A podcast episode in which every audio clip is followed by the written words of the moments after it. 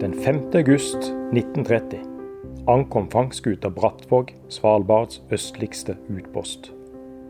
Kvitøya ble omtalt som utilgjengelighetens øy, da den var omkranset av farlige grunner og ofte et bredt belte av drivis. Det tilhørte derfor sjeldenhetene at noen gikk i land på Kvitøya. Denne sommerdagen inviterte den isdekte øya nærmest til besøk. En mild vinter og en varm sommer hadde ført til at deler av drivisen hadde smeltet slik at det var isfritt helt inn til land. Om bord på MS Brattvåg var mannskapet helt uvitende om at de snart skulle bidra til å løse et gammelt polarmysterium. Fangstskuta fra Ålesund var på vei til Frans Josefs land lengre øst i Nordishavet. Brattvåg-ekspedisjonen var på et kombinert fangst- og forskningstokt. Et fangstlag skulle drive jakt, mens den unge zoologen Adolf Søresen fra Arendal og to andre skulle utføre vitenskapelige undersøkelser. Selv om det ikke var planlagt noe strandhugg på Kvitøya, gjorde den varme sommeren et besøk mulig. Morgenen 6. august dro fangstmennene ut for å jakte hvalross. Flere dyr ble felt, men jakten i det varme sommerværet gjorde mennene tørste. De unge fangstmennene Olav Salen og Karl Tusvik ble sendt av gårde for å finne vann. Jakten på friskt brevann gjorde de samtidig et sensasjonelt funn. På en steinstrand fikk Salen øye på et metallokk. De unge mennene syntes det var underlig å finne avtrykk etter mennesker på et så øde sted, og begynte å se seg rundt. Et par hundre meter opp fra stranda så de en mørk gjenstand. Det viste seg å være en seilduksbåt som var halvveis begravet i snø og is. I båten fant de navigasjonsutstyr, redskaper, dagbøker og rester av et svensk flagg med unionsmerke. Om lag ti meter fra båten fant de et skjelett som lå lent opp på en fjellhylle. Hodet og en del av overkroppen var borte. I søken etter vann hadde de snublet over det siste leirstedet til en savnet polarekspedisjon. I flere tiår hadde det vært et uløst mysterium om hva som hadde hendt med dem, inntil nå. Det sensasjonelle funnet på Kvitøya kom til å skape overskrifter verden over. Bli med på tokt inn i polarhistorien i syvende episode av Polarpionerene, polarhistorien sett fra Sørlandet.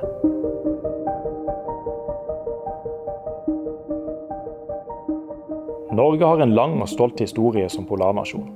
Historiene om Nansen, Amundsen og polarskuta Fram står som bautaer i norsk polarhistorie. Nasjonalheltene som kjempet og slet seg fremover i ukjent og islagt terreng. Også sørlendinger og skip fra landsdelen har gjort viktige bidrag i norsk og internasjonal polarhistorie. Denne podkasten, Polarpionerene, polarhistorien sett fra Sørlandet, ønsker å trekke disse historiene frem i lyset, og samtidig gi et innblikk i den fascinerende polarhistorien. Mitt navn er Gaute Christian Molaug. Jeg er historiker og arbeider som arkivar og formidler ved Aust-Agder museum og arkiv. Polarhistorien handler stort sett om bragder, helter og menneskelig mot. Men hva med de som ikke lyktes? Storbritannia har Robert Falcon Scott, som døde på returen fra Sydpolen. Og Sverige har Salomon August André, ingeniøren som ville nå Nordpolen med en hydrogenballong. Denne episoden skal handle om det sensasjonelle funnet på Kvitøya i august 1930.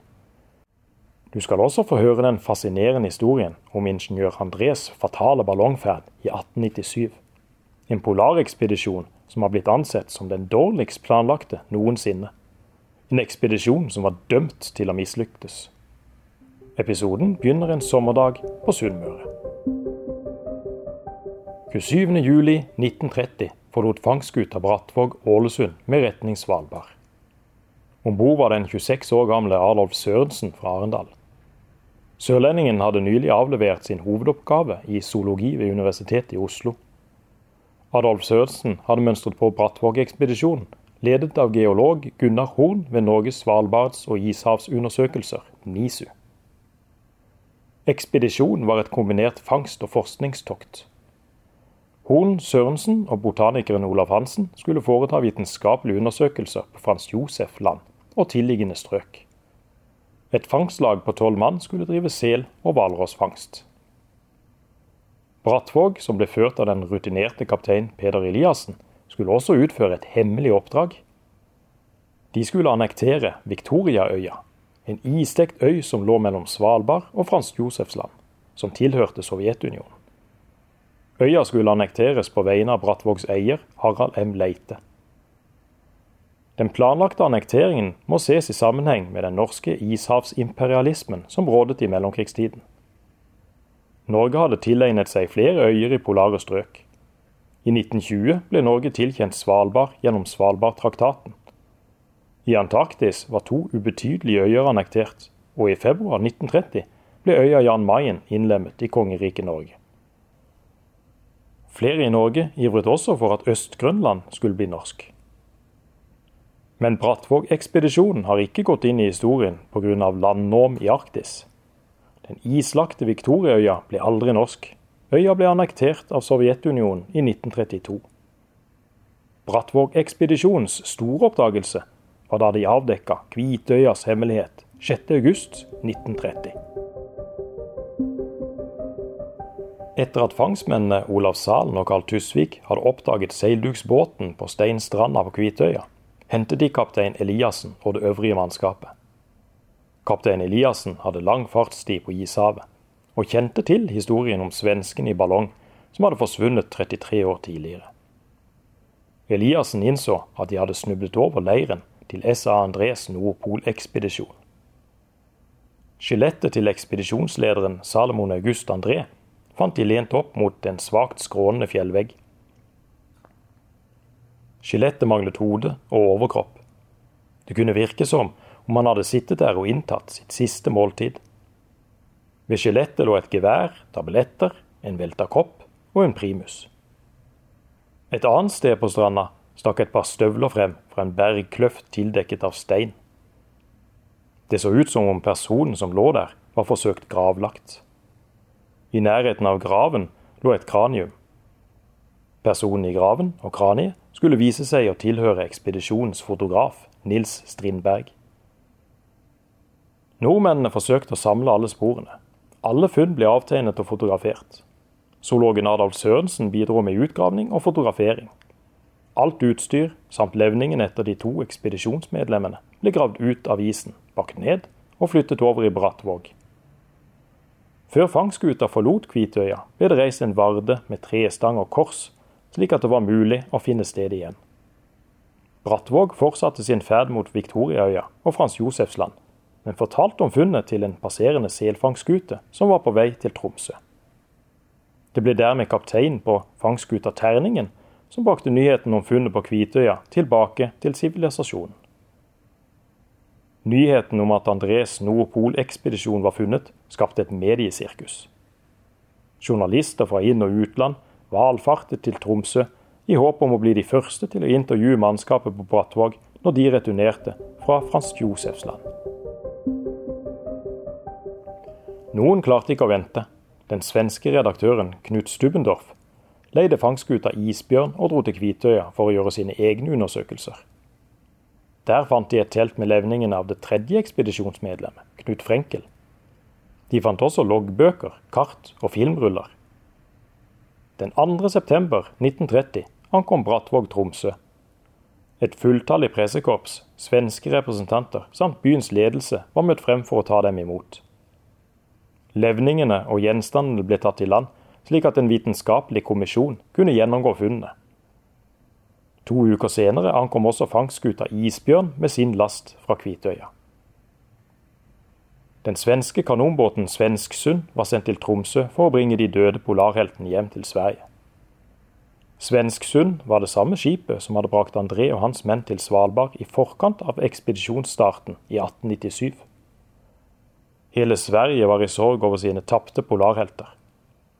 Den 5. oktober 1930 var over 100 000 mennesker møtt opp for å ta imot kistene da de ankom Stockholm. Ekspedisjonens dagbøker ble siden transkribert og utgitt i bokform. En fotoekspert klarte også å fremkalle flere av Nils Strindbergs fotografier som var tatt under ekspedisjonen. Ved hjelp av disse kildene klarte man å finne ut hva som hadde skjedd med ekspedisjonen etter at de forlot Danskøya 11.07.1897. Salomon August André ble født i Grenna i Småland i 1854. Han var utdannet ingeniør og var en ivrig aeronaut. Interessen for ballongflyvning hadde han fått etter et opphold i USA på 1870-tallet. I 1893 kjøpte han seg sin egen hydrogenballong, som han ga navnet Svea. Med Svea klarte han å fly fra Göteborg til Gotland. Utfordringen med ballongferd var å styre ballongen dit man ville. Ballongen fulgte vinden. André hevdet imidlertid at han hadde funnet en løsning på problemet. Den oppfinnsomme ingeniøren hadde utviklet noen slepeliner som gjorde at han kunne styre ballongen. Andrés drøm var å bli den første til å fly med ballong over Atlanterhavet. Men ingen ville finansiere turen. Han måtte finne på noe mer spektakulært. På 1890-tallet var Arktis et stort, uoppdaget område på kartet. Ingen visste hva som befant seg der. I 1895 lanserte ingeniør André sin idé om å nå Nordpolen med en ballong. Mange var kritiske og mente planen var urealistisk. Men mange profilerte svensker likte tanken på at en vellykket nordpolferd kunne gjøre Sverige til en stormakt innen polarforskning. Andrés idé ble lansert samtidig med at Fridtjof Nansen forsøkte å drive med isen over Nordpolen med polarskuta Fram. Unionspartner Norge holdt på å seile forbi Sverige når det gjaldt polare erobringer. Så Andrés prosjekt falt i god jord hos nasjonalistiske svensker. Både dynamittkongen Alfred Nobel og den svenske kongen Oskar 2. støttet prosjektet med penger. For André trengte mange penger. Det var dyrt å fly til Nordpolen i ballong. Nordpolballongen ble sydd i Paris og fikk navnet Ørnen. Ballongen ble ikke testet før den ble brakt til Danskøya, helt nord på Svalbard. Her hadde André fått bygget en hangar til den. Stedet som var utgangspunkt for polferden, ble kalt Virgohan. Her hadde André-ekspedisjonen tilhold hele sommeren 1896, mens de ventet på at vinden skulle blåse i riktig retning og føre ballongen mot nord. Men den riktige vinden uteble. Høsten 1896 måtte ekspedisjonen returnere til Sverige. Prosjektet ble ansett som en fiasko. Bedre ble det ikke av at Fridtjof Nansen samme år hadde returnert til Norge i triumf etter flere år innefrosset i Arktis. Nansen og hans makker Hjalmar Johansen hadde nådd lenger nord enn noen annen hadde klart tidligere. Men ingeniør André ga ikke opp. Neste sommer reiste han igjen tilbake til Danskøya. En av ekspedisjonsmedlemmene hadde i mellomtiden trukket seg. Han mente prosjektet var for risikabelt, og påpekte at ballongen lakk. André fikk inn en erstatter. Ekspedisjonen besto nå av tre personer.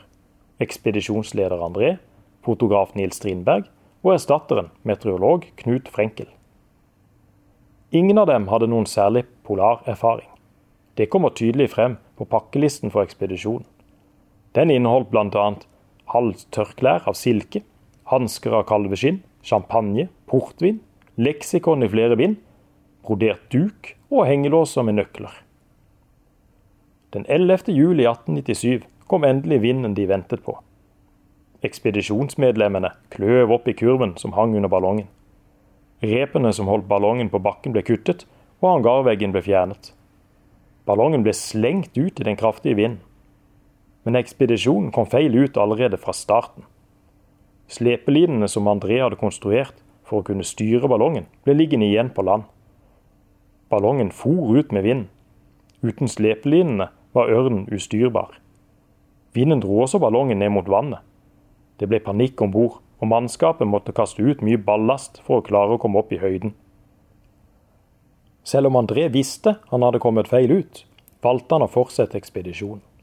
I stedet for å avbryte, lagde svenskene kaffe og nøt at de endelig var kommet i lufta. Ekspedisjonen hadde med 36 brevduer som de kunne bruke til å sende beskjeder med. Problemet var at brevduene aldri hadde lært seg veien hjem. Kommunikasjon med omverdenen var derfor umulig. Ballongferden mot Nordpolen endte etter kun to dagers luftferd. Ørnen landet på isen etter å ha slitt med å holde høyde. Ballongen lakk, og frost og tåke presset den ned. Ekspedisjonen nådde 82 grader og 56 minutter nord, langt fra polpunktet. De var i ukjent terreng, overalt var det is. Etter landingen på isen prøvde ekspedisjonsmedlemmene forgjeves å ta seg tilbake til Svalbard. Men de var ikke utstyrt for å være på polarekspedisjon. Planen var å passere polpunktet og håpe på at de enten endte i Russland eller USA. For sikkerhets skyld hadde de tatt med både rubler og dollar. Mens Nansen hadde hentet klesinspirasjon fra inuittene på Grønland før han dro mot nord, hadde André handlet moteriktige klær i Stockholms finere butikker. André og hans kompanjonger var kledd for en trivelig ballongferd. Svenskene var kledd i blå nikkers og matchende vest, med spasersko av lær og knestrømper av ull. De hadde heller ikke med ski. Kjelkene de hadde tatt med, var både blytunge og feilkonstruerte. Returen ble et blodslit. Etter hvert som de slet seg bortover på isen, ble det kaldere og mørkere. De innså at de måtte finne ly før vinteren satte inn. Det var kun is å se i horisonten. Svenskene bestemte seg derfor for å bygge en hytte av isblokker. Her holdt de hus, mens isen drev dem sørover. I begynnelsen av oktober 1897 oppdaget de en snøkledd øy som ikke var merket på noe kart. De var kommet til Kvitøya. Den 5. oktober klarte de å komme seg i land. Ifølge dagboksnotatene prøvde de å etablere en leir med drivved. Med stor sannsynlighet døde de få dager etter de var kommet til Kvitøya. Det siste dagboksnotatet ble skrevet kun tre dager etter ankomsten til øya. Dødsårsaken er fremdeles uviss. Lenge har det vært en utbredt teori om at de døde av trikinforgiftning etter å ha spist isbjørnkjøtt. Men denne teorien har blitt utfordret av den svenske legen og forfatteren Bea Usma. Ifølge henne er trikidforgiftning nærmest umulig å dø av. Hun tror de svenske polarfarerne ble offer for et dødelig isbjørnangrep. Da Adolf Sørensen og mannskapet på Brattvåg kom over Andrés siste leirsted 33 år senere, ble den svenske ekspedisjonen på mange måter vekket til live igjen. Etter at ekspedisjonen forsvant fra Danskøya sommeren 1897, hadde det blitt iverksatt flere leteaksjoner. Det ble lett på Grønland, Canada og Svalbard. Men etter hvert som tiden gikk, ble André-ekspedisjonen glemt.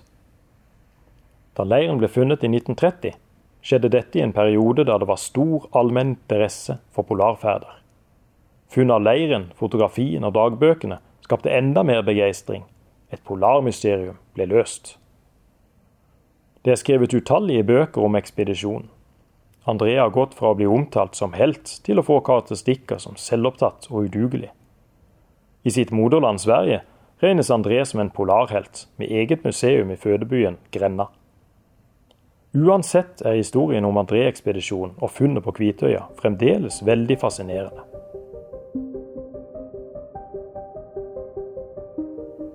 I neste episode av Polarpionerene, polarhistorien sett fra Sørlandet, skal du få høre en annen fascinerende historie.